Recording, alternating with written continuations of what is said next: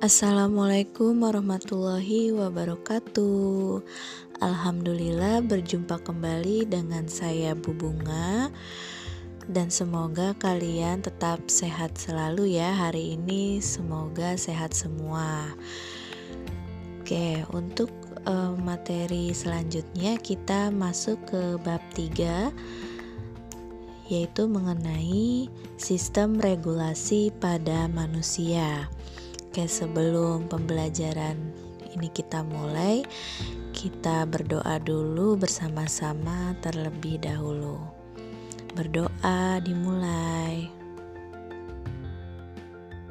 Oke, berdoa selesai. Untuk kompetensi dasar pada materi ini 3.10 menganalisis hubungan antara struktur jaringan penyusun organ pada sistem koordinasi yaitu saraf, hormon, dan alat indera dalam kaitannya dengan mekanisme koordinasi dan regulasi serta gangguan fungsi yang dapat terjadi pada sistem koordinasi manusia. Oke, kalian bisa simak melalui buku paketnya di bab 3, LKS-nya di bab 3 atau LK-nya ya di bab 3. Oke, pernah nggak sih kamu merasakan hantaran rangsangan dari orang lain? Misalnya ketika kamu lagi berpegangan tangan atau tidak sengaja tersenggol oleh orang lain. Pernah penasaran nggak bagaimana hantaran rangsangannya bisa terasa sampai ke kamu? Sebelum kamu mikir yang aneh-aneh, ternyata kamu bisa merasakan hal tersebut karena ada sistem saraf dalam tubuhmu. Wah, hebat banget gak sih? Hebat dong ya. Yuk, sekarang kita mengenal sistem saraf ini lebih lanjut ya.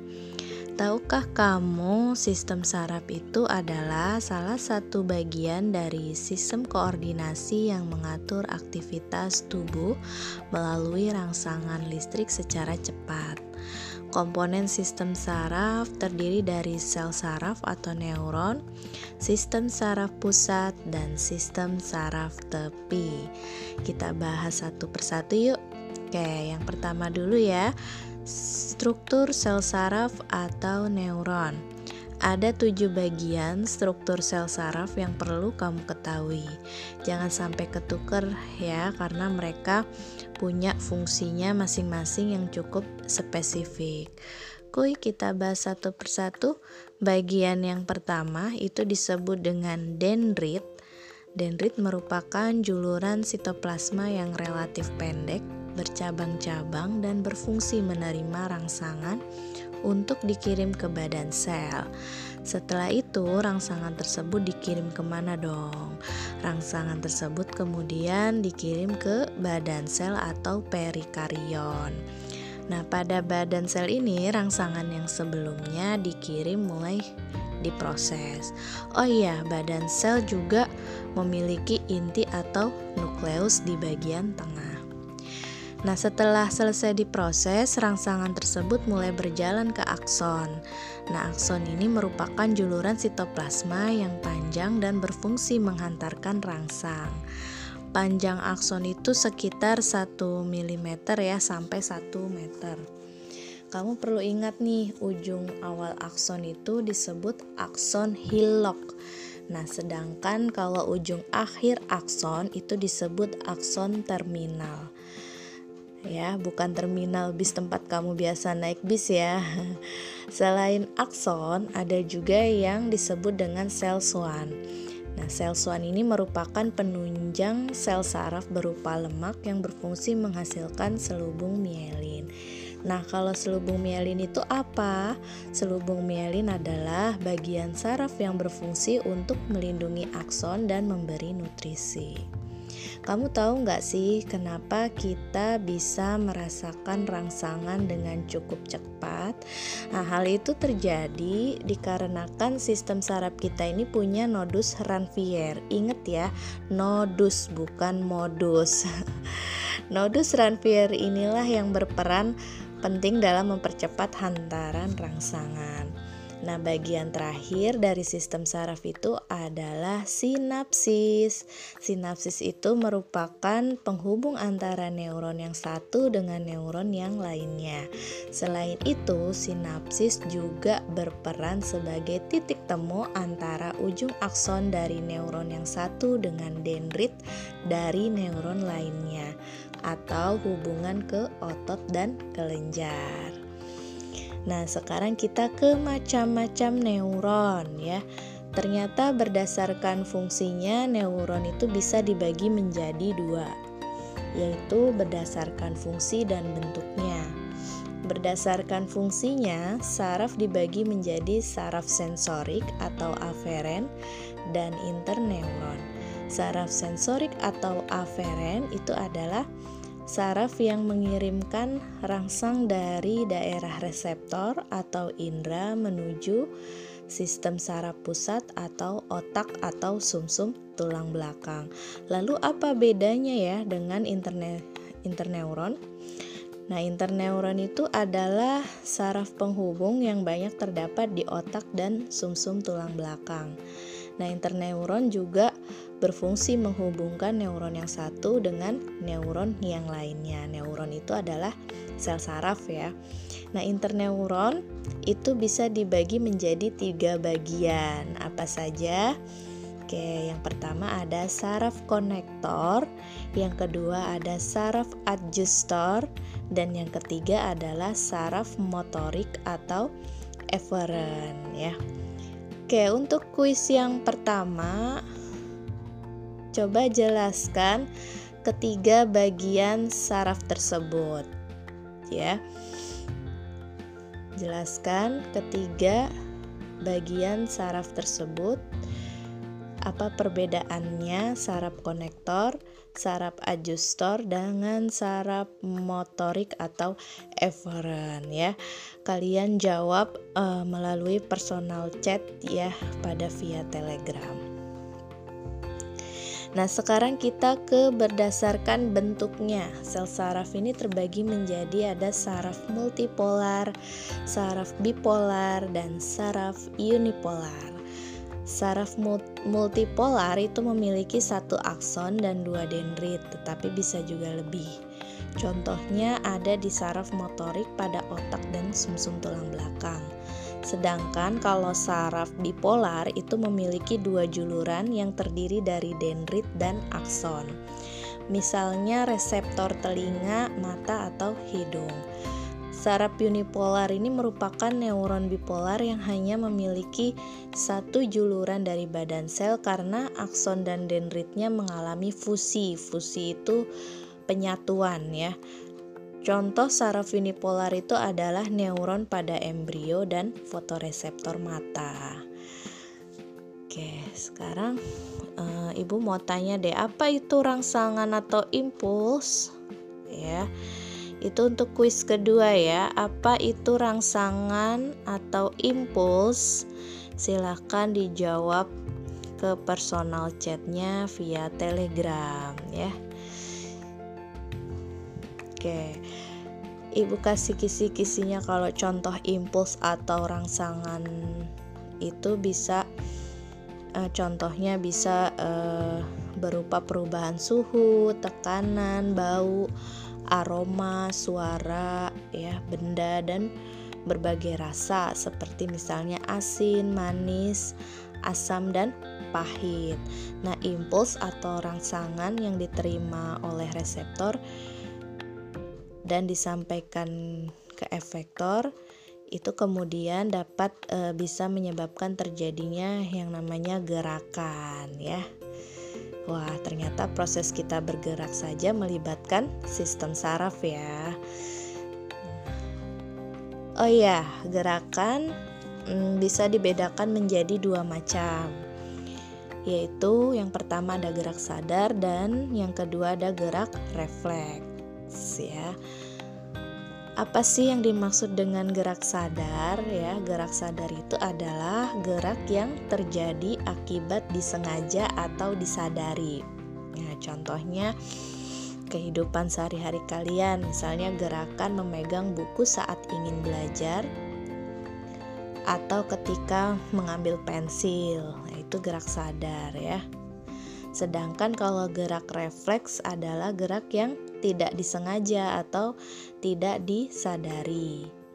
Nah, penjalaran pada gerak refleks itu berlangsung cepat melewati jalur pendek dan tidak melewati otak ya.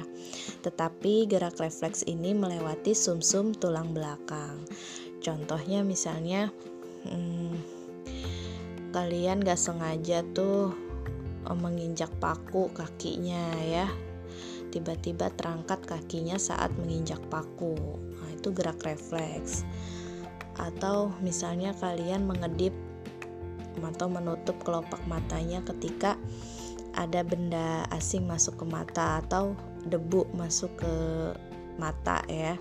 Pastikan refleks tuh gerakan kelopak mata ya atau bisa gerakan tangan saat memegang benda panas. Misalnya kalian gak sengaja megang panci panas. Nah itu namanya gerak refleks ya.